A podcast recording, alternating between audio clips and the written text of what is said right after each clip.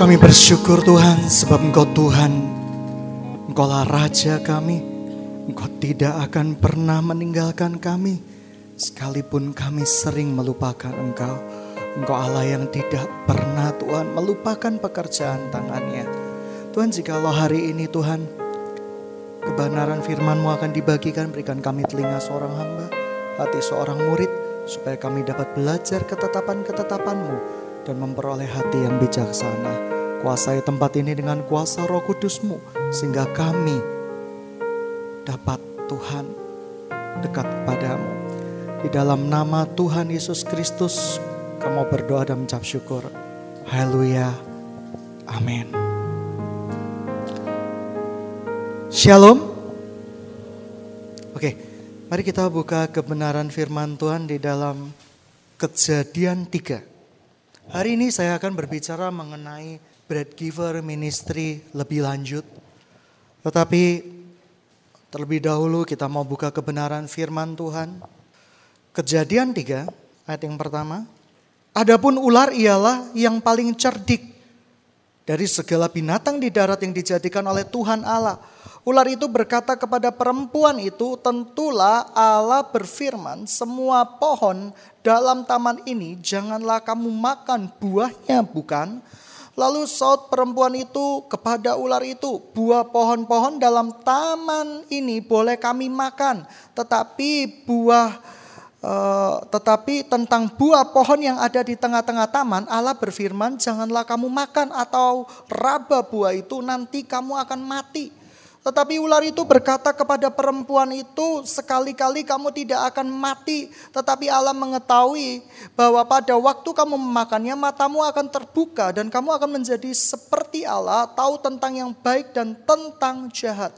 Perempuan itu melihat bahwa Buah pohon itu baik untuk dimakan dan sedap kelihatannya. Lagi pula pohon itu menarik hati karena memberikan pengertian. Lalu ia mengambil dari buahnya dan dimakannya dan diberikan juga kepada suaminya yang bersama-sama dengan dia. Dan suaminya pun memakannya. Maka terbukalah maka mereka berdua dan mereka tahu bahwa mereka telanjang. Lalu mereka menyemat daun pohon ara dan membuat cawat. Ketika mereka mendengar bunyi langkah Tuhan Allah yang berjalan-jalan dalam taman itu pada waktu hari sejuk, bersembunyilah manusia dan istrinya itu terhadap Tuhan Allah di antara pohon-pohon dalam taman. Tetapi Tuhan Allah memanggil manusia itu dan berfirman kepadanya, "Di manakah engkau?" Ia menjawab, "Ketika ia mendengar bahwa engkau ada di dalam taman ini, aku menjadi takut karena aku telanjang sebab aku bersembunyi." Firmannya, "Siapakah yang memberitahukan kepadamu bahwa engkau telanjang, apakah engkau makan dari buah pohon yang kularang uh, kularang engkau makan itu? Manusia itu menjawab, perempuan yang kau tempatkan di sisiku, dialah yang memberi dari buah pohon itu kepadaku, maka aku makan. Kemudian berfirmanlah Tuhan Allah kepada perempuan itu, apakah yang telah kau perbuat ini? Jawab perempuan itu, ular itu yang memperdayakan aku, maka ku makan. Lalu berfirmanlah Tuhan Allah kepada ular itu, karena engkau berbuat demikian, terkutuklah engkau di antara segala ternak dan di antara segala binatang, segala perutmu engkau akan menjalar dan debu tanahlah akan kau makan seumur hidupmu. Saya garis bawahi debu tanahlah yang akan kau makan seumur hidupmu. Aku akan mengadakan permusuhan antara engkau dan perempuan ini. Antara keturunanmu dan keturunannya. Keturunannya akan meremukkan kepalamu dan engkau akan meremukkan tumitnya kita berhenti sampai sekarang. Ada begitu banyak orang yang bercerita bagaimana supaya kita lepas berbuat dosa. Saya percaya Tuhan Yesus datang ke dunia ini tidak untuk menyuruh kita berhenti berbuat dosa. Loh, kok aneh? Dengarkan terlebih dahulu. Tuhan Yesus tidak pernah menyuruh kita berhenti berbuat dosa, tetapi Tuhan Yesus menyuruh kepada kita datang kepada Dia untuk menerima Dia, tinggal di dalam Dia. Waktu saya terikat oleh hal-hal yang tidak baik sewaktu saya mahasiswa, saya berusaha untuk melakukan hal-hal tertentu yang saya anggap pohon pengetahuan saya untuk membebaskan saya dari dosa. Waktu itu saya terikat film kotor. Uh, itu loh, film tentang pasukan kuning, kotor gitu ya seperti itu. Jadi saya terikat dengan hal-hal yang bersifat tidak baik. Tetapi saya berusaha dengan kekuatan saya sendiri. Saya orang yang betul-betul hancur Pikiran saya hancur kalau saya sedang suka dengan seseorang. Saya akan kejar-kejar sampai orang itu merasa dirinya bosan hidup gitu ya. Karena begitu ke mana pun dia ada, saya harus ada. Ke mana pun dia pergi, saya harus pergi. Demikian parahnya saya sampai akhirnya saya berusaha untuk melepaskan diri saya dari dosa. Dengan cara apa? Berpuasa saya ingat waktu itu, saya berpuasa Esther. Saya punya pengetahuan. Saya harus berpuasa seperti Esther. Tiga hari, tiga malam, tidak makan, tidak minum. Hasilnya apa? Hasilnya saya lemas. Saya tidak berdaya. Dan akhirnya tiba-tiba urapan Tuhan muncul membuat saya bisa berhenti berbuat dosa. Tidak.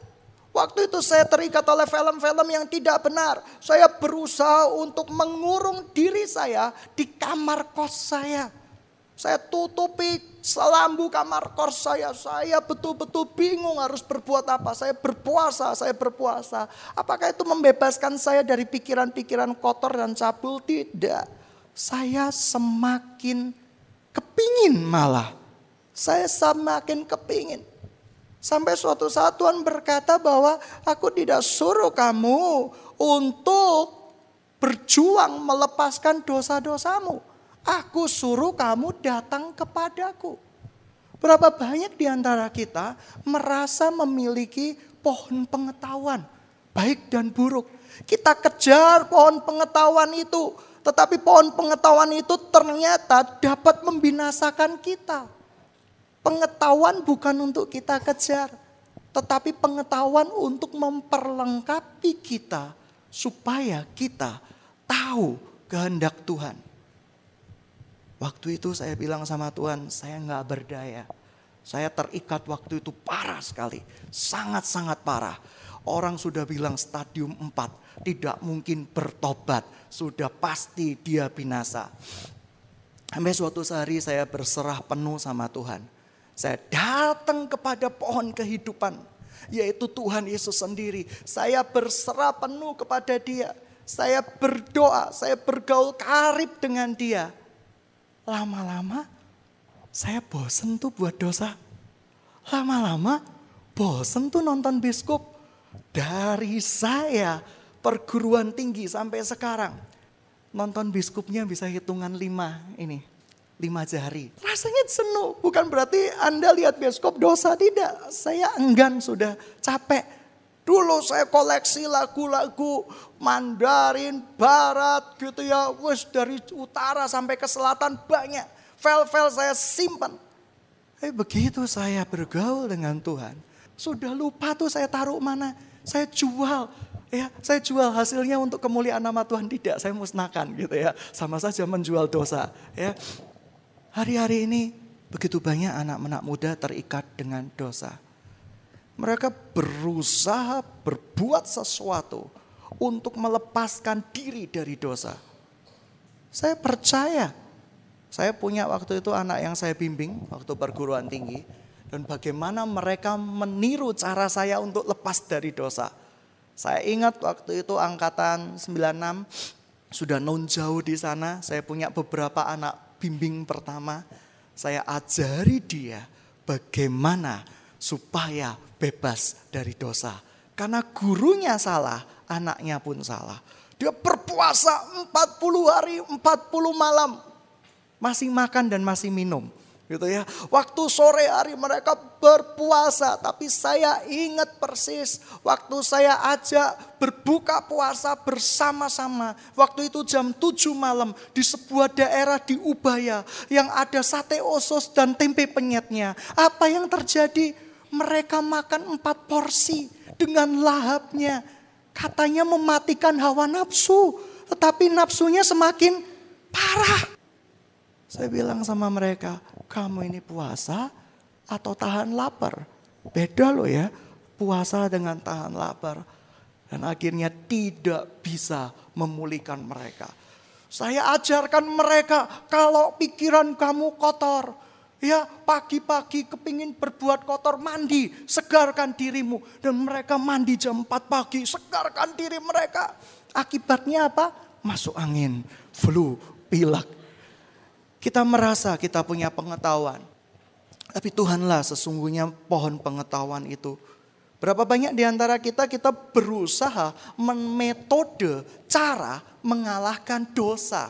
Kita berusaha memberikan sebuah runtutan metode supaya kita tidak berbuat dosa. Tetapi sebelumnya kita nggak akan pernah bisa lepas dari dosa. Kecuali kita dekat sama dia, berserah penuh kepada dia, maka kita akan bebas dari dosa. Kita tidak akan pernah mau lagi mencicipi hal yang berbuat hal yang bersifat dosa karena itu merupakan kejijikan buat kita atau sesuatu yang kurang menyenangkan bagi kita. Di kejadian 4, perikopnya Kain dan Habel. Saya baca sekilas, kemudian manusia itu bersetubuh dengan Hawa istrinya dan mengandunglah perempuan itu. Lalu melahirkan Kain. Maka kata perempuan itu, aku telah mendapat seorang anak laki-laki dengan pertolongan Tuhan. Selanjutnya dilahirkannya Habel, adik Kain. Dan Habel menjadi gembala kambing domba dan Kain menjadi petani. Ya.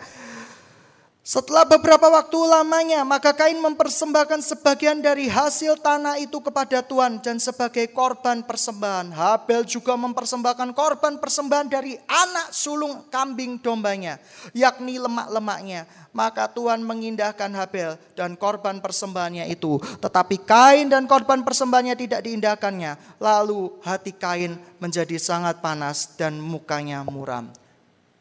Saudara, di dalam diri kita, kita punya dua benih. Yang pertama benih perempuan yang akan menginjak-injak kepala ular dan menaklukkannya. Dan benih perempuan itu saya percaya ada di dalam diri benih Habel. Tetapi Kain ini berasal merupakan benih pohon pengetahuan baik dan jahat. Kain merupakan sebuah gambaran tanah, debu. Pekerjaannya berbicara menanam tanaman. Debu dan tanah berbicara tentang daging. Semakin kita berusaha untuk memuaskan diri kita mencari uang, kamu tidak akan pernah puas. Karena itu sifat daripada daging, karena itu sifat dari tanah. Kalau saya mau tanya, cukup itu berapa? Anda mungkin pernah berdoa, Tuhan asalkan saya punya satu rumah, satu mobil itu cukuplah bagiku. Setelah Anda punya satu rumah, satu mobil cukup? Tidak. Saya pingin Tuhan kalau bisa. Kalau Tuhan berkenan Tuhan tiga mobil dan tiga rumah. Setelah dikabulkan cukup tidak akan pernah bisa terpuaskan. Di dalam diri manusia punya dua benih itu. Tetapi kalau kita dekat sama Tuhan, kita serahkan hidup kita sama Tuhan, maka benih ular itu tidak ada lagi. Kenapa? Benih perempuan yang berbicara tentang Kristus itu akan menaklukkan kepala ular dan mengacaukan semua perbuatan-perbuatan si jahat. Sidang jemaat yang dikasih Tuhan. Hari-hari ini Tuhan taruh sebuah mimpi di dalam diri saya. Waktu itu saya pernah cerita saya sedang uh, mengendarai mobil dan ada pengamen yang sedang bernyanyi. Biasanya saya sedikit kecewa karena sudah suaranya jelek, sebentar ngetuk-ngetuk pintu, kalau pintu tidak dibukakan, maka pintu akan digores sama dia. Tapi hari itu Tuhan menggerakkan saya untuk memberi sesuatu. Saya pergi pagi-pagi, saya lihat nasi bungkus, saya putar balik dan saya beri kepada dia. Sedang jemaat yang dikasih Tuhan, Tuhan seakan-akan berbicara seperti ini sama saya. Daniel, banyak orang yang membutuhkan roti. Tetapi tidak semua dapat menjadi pemberi roti. Hei, semua butuh roti, baik jasmani atau rohani. Tetapi tidak semua dapat menjadi pemberi roti. Saya pernah bercerita bagaimana cara memberi roti. Bukan berarti kamu seperti Fanny harus bikin toko roti. Ya kan toko roti, perusahaan roti untuk dibagi-bagikan. No, pemberi roti berbicara luas sekali. Ketika saya dapat mimpi dari Tuhan itu, saya bilang sama Tuhan, Tuhan saya mau kerjakan, saya nggak akan bawa nama gereja, saya nggak akan bawa nama apa pun, saya cuma akan membawa namamu saja. Saya hubungi teman-teman saya yang non Kristiani. Saya telepon mereka, mau nggak kamu ikut dalam pelayanan ini? Memberi roti. Mereka excited mereka begitu bersuka cita. Saya percaya di dalam hati mereka ada benih perempuan. Sayangnya mereka belum terima Yesus. Sayangnya mereka belum terima Yesus sebagai Tuhan dan Juru Selamat. Mereka tahu bagaimana berbuat baik. Mereka rindu berbuat baik. Dan mereka tahu tujuan hidup mereka di muka bumi ini ah, pasti ada tujuannya. Tetapi mereka belum bisa mencarinya saya ajak bergabung, ayo ada yang dari toko mana, toko mana, perusahaan mana. Akhirnya kita kita komitmen di dalam telepon itu. Kita pertemuan, saya nggak akan bahas agama saya, saya nggak akan bahas agama you, gitu ya. Kita mau melayani. Dan saya berkomitmen sama mereka, satu hari kita buat sepuluh kebaikan. Uh, mereka senang sekali ya kan ada sampah tercecer dimasukkan ke tong sampah gitu ya. Ada uang tercecer dimasukkan ke kantong. Ada uh, salah ya gitu ya seperti itu. Terus ada hal-hal yang tidak baik. Ada orang-orang yang kelaparan mereka bagi.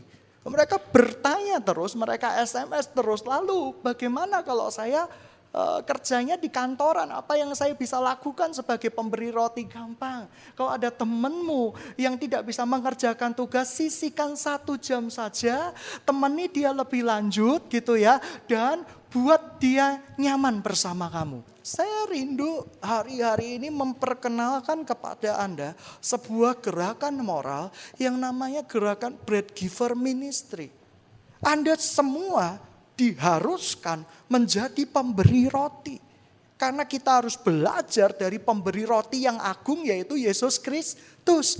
Dia sudah memberikan tubuhnya sebagai roti yang terpecah bagi kita semua. Dan sesudah saya memberikan uh, nasi bungkus kepada anak jalanan itu, saya dengarkan sebuah radio yang menyanyikan lagu lama. Kalau nggak salah lagunya itu cewek yang nyanyiin tiga orang. Maukah kau jadi roti yang terpecah bagiku? Saya nangis. Saya nggak tahu kenapa di mobil tuh saya nangis. Waktu itu saya juga nggak ada masalah. Saya juga nggak sedang ada masalah keuangan. Saya juga nggak ada sedang ada masalah dengan Tuhan. Tapi saya menangis. Lagu itu begitu menyentuh hati saya. Padahal waktu SMP saya nyanyikan tidak pernah tersentuh-sentuh gitu ya. Tetapi waktu itu ketika dinyanyikan saya begitu tersentuhnya dan Tuhan seakan-akan berbicara, inilah kamu hidup. Kamu menjadi roti yang terpecah bagi banyak orang. Dan kamu berbagi bahwa namaku itu besar, bahwa namaku itu dahsyat dan patut disembah. Tiba-tiba suara roh kudus berbicara di dalam hati saya. Dan waktu itu saya begitu excited saya kumpulkan dewasa muda. Eh dewasa muda, kita harus punya pelayanan bread giver ministry. Hei pelayan-pelayan Tuhan kita harus menjadi seorang bread giver. Dan kamu tahu cara menjangkau orang-orang yang belum mengenal Kristus. Jangan hakimi dahulu kepercayaan mereka menurut pengalaman saya. Tiap pengalaman beda-beda. Teman-teman yang dikasihi Tuhan, ketika Tuhan memberitahukan itu hati saya melimpah dengan syukur dan saya lalu berkata kepada orang-orang yang non kenal Yesus. Saya cuma berkata seperti ini, mari kita berbuat baik. Semua orang ingin berbuat baik. Semua agama mengajarkan perbuatan baik. Amin. Amin. Dan semua dewasa muda, lakukan praktek itu buat sesuatu kamu yang beda. Ada sampah, ambil. Ada uang jatuh, kembalikan pada orangnya. Ya kan seperti itu, ada tas jatuh, kembalikan. Itu mungkin pesan-pesan moral yang sederhana. Begitu banyak saya ya ketika SMS ini gosipin. Gosipin tuh, gosipin siapa? Banyak teman-teman yang dari kepercayaan lain tuh gosipin hamba Tuhan. Dia SMS saya. Hat, iya, kamu tahu kan? Ya kan? Sudah gua tahu ujung-ujungnya pendeta pasti duit. Coba lihat internet, baca, kamu akan tahu kan motivasinya duit. Saya mau kirim jangan menghakimi juga sungkan gitu ya. Eh kamu tahu kan, kamu tahu kan. Kamu lihat hamba Tuhan itu disorot dan digosipin. Soal beli sepatu pun digosipin. Tapi puji Tuhan sepatu saya nggak ratusan ribu, nggak jutaan. Saya tidak diberkati. Tapi saya dicukupi. Amin. Amin. Dan satu SMS yang sangat-sangat menggelitik saya. Dia berkata, lihat kamu pasti senang jadi hamba Tuhan. Karena apa? Kalau pelayanan, tasnya akan dibawain oleh 10 orang Wih, kamu akan dielulukan. Mungkin seperti Yesus sendiri. Saya tertawa, saya berkata kurang ajar kamu gitu ya seperti itu. Saya tidak seperti itu walaupun ada keinginan seperti itu gitu ya. Tapi saya tidak seperti itu. Tapi jujur manusia jasmani saya pingin seperti itu. Siapa sih yang gak kepingin dielulukan? Ayo siapa yang mau tanya? Tapi Tuhan Yesus memberi contoh yang baik. Tuhan Yesus tidak kepingin dilakukan seperti itu. Bahkan Alkitab mencatat bahwa dia semaraknya pun tidak ada. Berarti Tuhan Yesus ganteng atau enggak? Duh kurang ajar kamu gitu ya. Enggak gitu ya. Semaraknya tidak ada. Berarti Tuhan Yesus ganteng enggak? Dia Tuhan loh. worship leader kamu bertobat ya. Seperti itu. Alkitab mencatat demikian. Bahwa semaraknya pun gak ada sehingga orang melihat dia. Tetapi sidang jemaat yang dikasihi Tuhan, Tuhan Yesus bisa saja memilih waktu itu dengan 12 muridnya yang sering kali saya ceritakan menjadi apa? Yerusalem Idol. Uh, Yesus menjadi song leadernya, ya kan? 12 muridnya menjadi penari latarnya. Ini kurang aja nggak ya gitu ya. Tapi coba bayangin ya kan. Yesus bisa memilih untuk seperti itu. Mereka menarikan lagu-lagu Allah waktu itu tetapi tidak. Mereka memberikan pesan-pesan apa? Moral. Pesan-pesan kehidupan. Teman saya SMS lagi. Had, boleh enggak menyanyikan lagu Tuhan dengan pakai bikini. Yang penting orang-orang yang tersesat menerima Yesus secara sungguh-sungguh. Saya jawab seperti ini. Oke, kalau Anda meyakini boleh menceritakan kebenaran firman Tuhan dengan melanggar firman Tuhan, saya ilustrasikan seperti ini.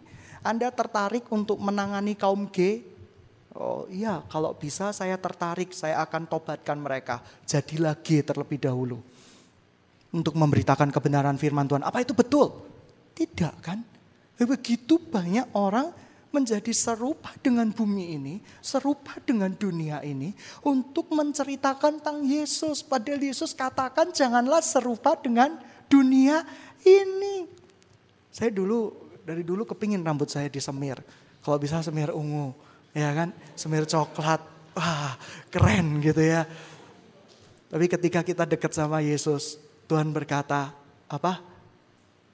Ya udah rambutmu asli apa ya aslinya seperti itu. Itu ciptaan Tuhan yang indah. Lagi pula ditemukan loh, kalau kamu sering semir rambut, ya apa? Apa yang terjadi? Gejala kanker. Ya kan? Kalau semir sepatu tidak akan menimbulkan gejala apa-apa. Tapi kalau semir rambut, uh, kitab medis mengatakan itu bahaya sekali. Sidang jemaat yang dikasih Tuhan, yang jadi pertanyaan sekarang, kamu mau memilih benih yang mana? Benih perempuan atau benih dari pohon pengetahuan yang baik dan jahat. Mau benih pohon kehidupan atau pohon yang baik dan buruk. Sidang jemaat yang dikasih Tuhan, kalau kita memakan pohon kehidupan dan kita dicangkokkan di pohon kehidupan itu, maka kita tidak akan ingin berbuat dosa bisa kesandung dalam dosa, tetapi tidak akan tenggelam di dalam dosa. Kalau ada orang yang berkata, "Terima Yesus," dan mereka berenang-renang di dalam dosa, seperti gudang uangnya paman gober, asik gitu ya, senang sekali berbuat dosa. Saya tidak yakin dia sudah terima Yesus. Amin. Amin. Kita bisa berbuat dosa, dapat tersandung di dalam dosa, tetapi kita tidak akan lama-lama tinggal di dalam dosa itu. Saya sangat percaya itu, karena benih kita adalah benih kehidupan, dan benih kehidupan tidak mungkin dapat membiarkan kita lama-lama di dalam berbuat dosa. Berapa banyak yang punya ikatan-ikatan? Berapa banyak ada yang punya ikatan-ikatan? Ikatan dengan pacar, ikatan dengan yang lain-lain. Berapa banyak cara untuk melepaskan ikatan-ikatan itu, kamu melakukan hal yang aneh-aneh. Ya kan? Pelayanan pelepasan, saya tidak menentang pelayanan pelepasan. Kita paling suka ngelepas-ngelepasin roh jahat, amin? Amin, gitu ya. Roh jahat, kalau lihat pendoa-pendoa di gereja ini takut semua. Kenapa? Kenapa? Saya nggak tahu. Karena rupanya lebih menakutkan dari roh jahat itu. Tidak, tidak. Ya, karena mereka punya kuasa. Seperti itu. Tetapi pelayanan pelepasan jangan dijadikan sebuah kecanduan gitu ya. Ayo tolong didoain. Tiba-tiba rebah, bleng. Aduh lega aku gitu ya. Kamu buat apa seperti itu? Tidak perlu. Tuhan sudah membebaskan engkau semenjak kita percaya kepada dia. Amin. Amin. Sedang jemaat yang dikasih Tuhan. Siapa yang mau jadi pemberi roti yang katakan? Siapa yang mau jadi pemberi roti? Tidak ditagih kok, tidak pakai nomor rekening kok. Silahkan hubungi rekening saya, enggak kok. Ini pesan moral. Kita semua harus menjadi pemberi roti. Dan kami akan galakkan besar-besaran dan akan menggunakan media majalah, media apa saya bergabung orang-orang yang bukan dari agama kita saya hubungi. Ayo kamu semua jadi bread giver dan mereka setuju. Mereka setuju memberikan pelatihan-pelatihan. Nantinya kita akan bikin panti asuhan dari sana. Nantinya kita akan buat dampak yang gede buat kota ini. Dan sesudah itu bangsa ini. Dan kamu akan menjadi bread giver, bread giver. Yang orang lihat kamu, lihat Kristus. Bersaksi bahwa Yesus Tuhan. Bukan dengan cara kamu menyanyi pakai pakaian renang. Lalu ketika kamu terima piala Oscar misalnya. Atau piala MTV Award. Kamu berkata, namaku misalnya namaku Parjo. Yesus Tuhanku. Saya khawatir engkau akan, Yesus akan dihina oleh banyak orang. Kenapa? Yesusnya Parjo. Parjo pakai bikini, misalnya seperti itu dalam menyanyi. Berarti Yesusnya Parjo nggak benar ini. Amin. Amin. Tidak ada nama lain yang lebih indah dari Parjo. Oke lah, siapa ya? Uh, Yesusnya Tukiem misalnya ya. Yesusnya Tukiem seperti itu. Tapi yang saya mau kasih tahu. Kalau kita dekat sama Tuhan, keinginan buat dosa semakin lama semakin tidak ada lagi. Berapa banyak orang yang dihantui buat dosa terus. Buat dosa itu melemahkan loh. Amin. Pemberesan dengan Tuhan. Buat dosa lagi. Pemberesan dengan Tuhan. Katanya mau flying high like eagle. Tidak bisa. Kamu akan berlari seperti siput. Artinya nggak akan pernah bisa sampai pada tujuanmu. Yaitu panggilan Tuhan yang maha dahsyat di dalam kehidupan kita. Tuhan punya satu panggilan yang besar buat kita. Yaitu menjadi saksi-saksi Kristus ke ujung-ujung bumi. Dan Tuhan mau kita semua menjadi roti yang terpecah bagi kehidupan banyak orang. Baik itu secara materi, baik itu secara firman, baik itu semua aplikasi di dalam kehidupan kita. Satu hari ada tetangga, pagi-pagi dia bercerita. Saya tanggapi, saya mau jadi bread giver. Bread giver itu bukan kasih dia roti saja, tapi pendengar yang baik. Saya dengarkan ceritanya setengah jam, saya dengarkan ceritanya. Saya cuma mau bilang kayak gini sama dia. Kalau nanti kita ada pelayanan bread giver mau nggak? Dia berkata mau, selesai. Ayo undang mereka semua di dalam pelayanan bread giver ministry. Kita buat sesuatu yang beda buat bangsa ini. Hari-hari ini saya percaya Star Home sudah menjadi bread giver yang baik kita kumpulkan orang-orang, kita kasih sekolah gratis, tapi nanti belum cukup. Kita akan buat sesuatu action yang lebih besar lagi. Dan saya nggak akan bawa nama siapa-siapa, tapi saya akan bawa nama Tuhan. Seringkali teman-teman saya yang sama-sama Kristiani, dia berkata, ini bawa nama gerejamu ya, aku nggak mau. Ini bawa nama denominasimu ya, aku nggak mau. Enggak, enggak, saya cuma bawa nama satu, nama Kristus Yesus. Dan mereka lebih convert dengan itu. Saya bawa itu. Saya mau lintas. Mengenalkan Yesus dengan cara yang paling sederhana yang Tuhan mungkin ingin ajarkan kepada kita semua. Sidang jemaat yang dikasih Tuhan. Tuhan hari-hari ini roh Tuhan kuat sekali. Mengatakan bahwa bangsa Indonesia butuh pemulihan. Dan Anda dan saya menjadi pemulih yang terbesar bagi bangsa Indonesia kelak. Kalau tadi dramanya generasi jawaban doa. Saya nggak mau generasi menjadi generasi yang mendoakan Tuhan. Aku sudah gagal di pelayanan ini. Aku berdoa supaya anak cucuku lah yang menerimanya. Tapi saya mau saya, anak cucu saya itu yang menjadi generasi jawaban doa. Generasi yang menjawab semua pergumulan doa. Dari pendahulu-pendahulu kita yang mungkin sudah meninggal. Yang mungkin mereka sudah sekarang tenang bersama Tuhan. Tetapi saya percaya akan ada sebuah generasi baru yang namanya generasi jawaban doa. Kampus Ubaya, berapa jiwa yang akan kamu berikan untuk Tuhan? Udah nggak usah, nggak usah paksa mereka terima Yesus atau mati. Ya kan? Tidak peduli kalian harus difitnah. Oh di gereja ini tidak boleh pacaran. Siapa bilang? Kalau kumpul kebo saya nggak boleh. Gitu ya, amin. Berkali-kali saya udah bilang, kalau pacaran identiknya dengan cipika, cipiki, cikimu gitu ya. Wah pokoknya uh, sambil berbahasa roku raba-raba-raba. Itu saya paling tidak suka. Bagaimana kamu bisa menjadi saksi Kristus ketika kamu ketemuan ciuman di kelas. Dan tiba-tiba kamu ceritakan kepada teman di sebelahmu. Maukah kamu terima Yesus? Kira-kira apa reaksi temanmu? Ya mau. Wah Yesus dari mana itu? Yesus dari Hong Kong. Bukan kan? Yesus dari Nazaret yang kita sembah. Amin. Amin. Dan yang berikutnya, yang terakhir, buka Efesus. Efesus 4 ayat yang 17.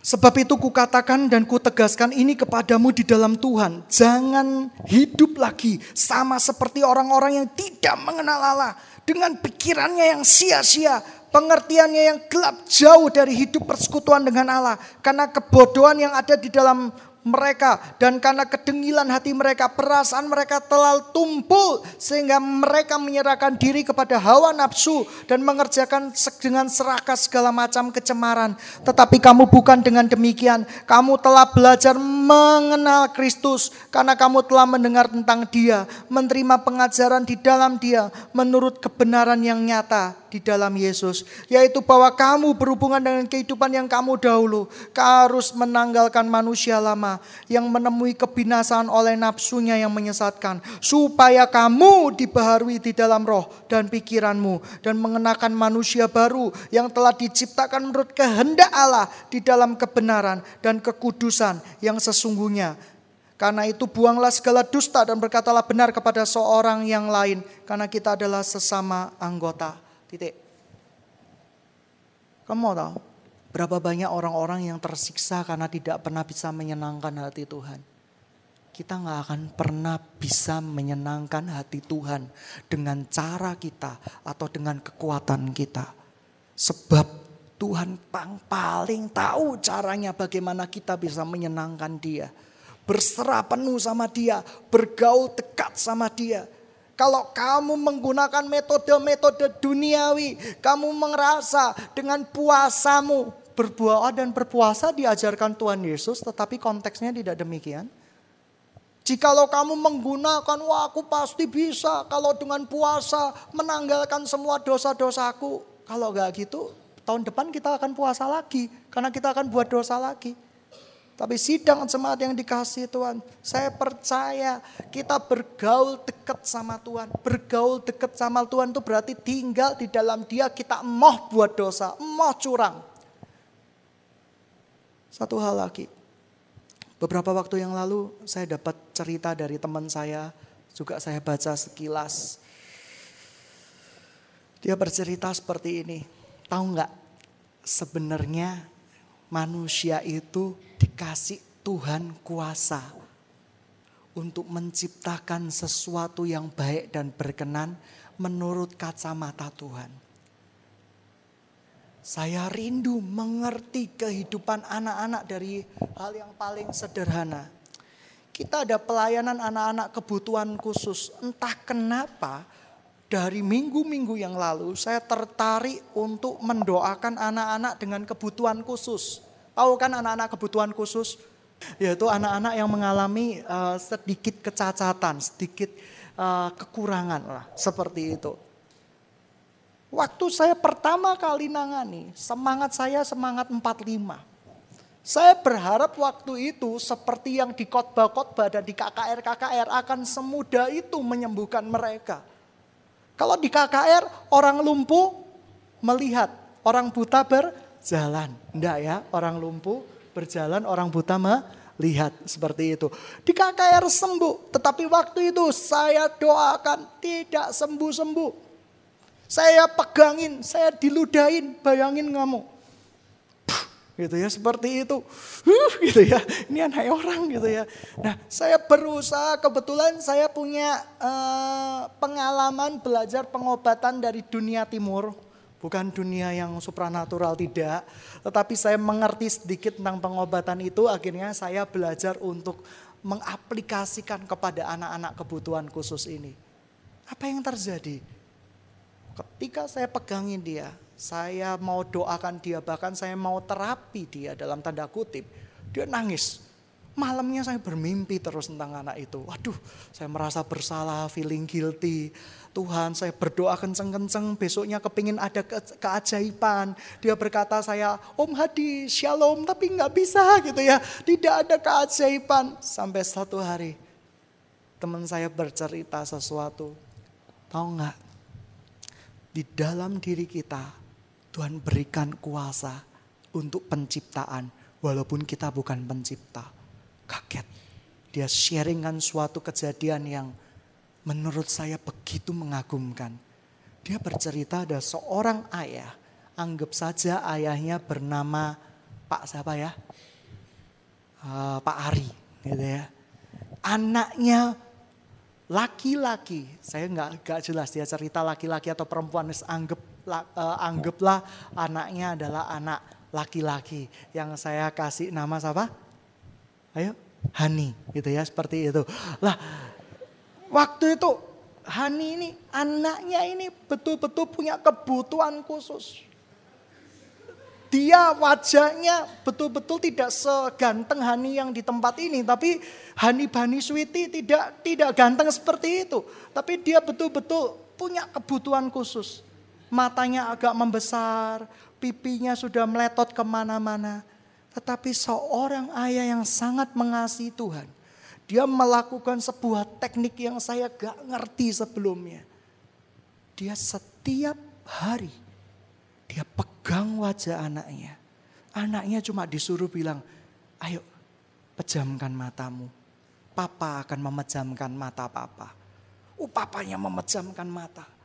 Lalu tiba-tiba dia melakukan gerakan seperti orang buta. yang mengenali wajah orang. Tahu orang buta mengenali wajah orang. Kan dipegang-pegang kan, kadang keculek matanya, kadang kelihat telinganya, tapi dia buat dua tangan gini. Dia berdoa dia dengan tangisan, dengan air mata. Ayahnya berkata ini Tuhan engkau penciptaku.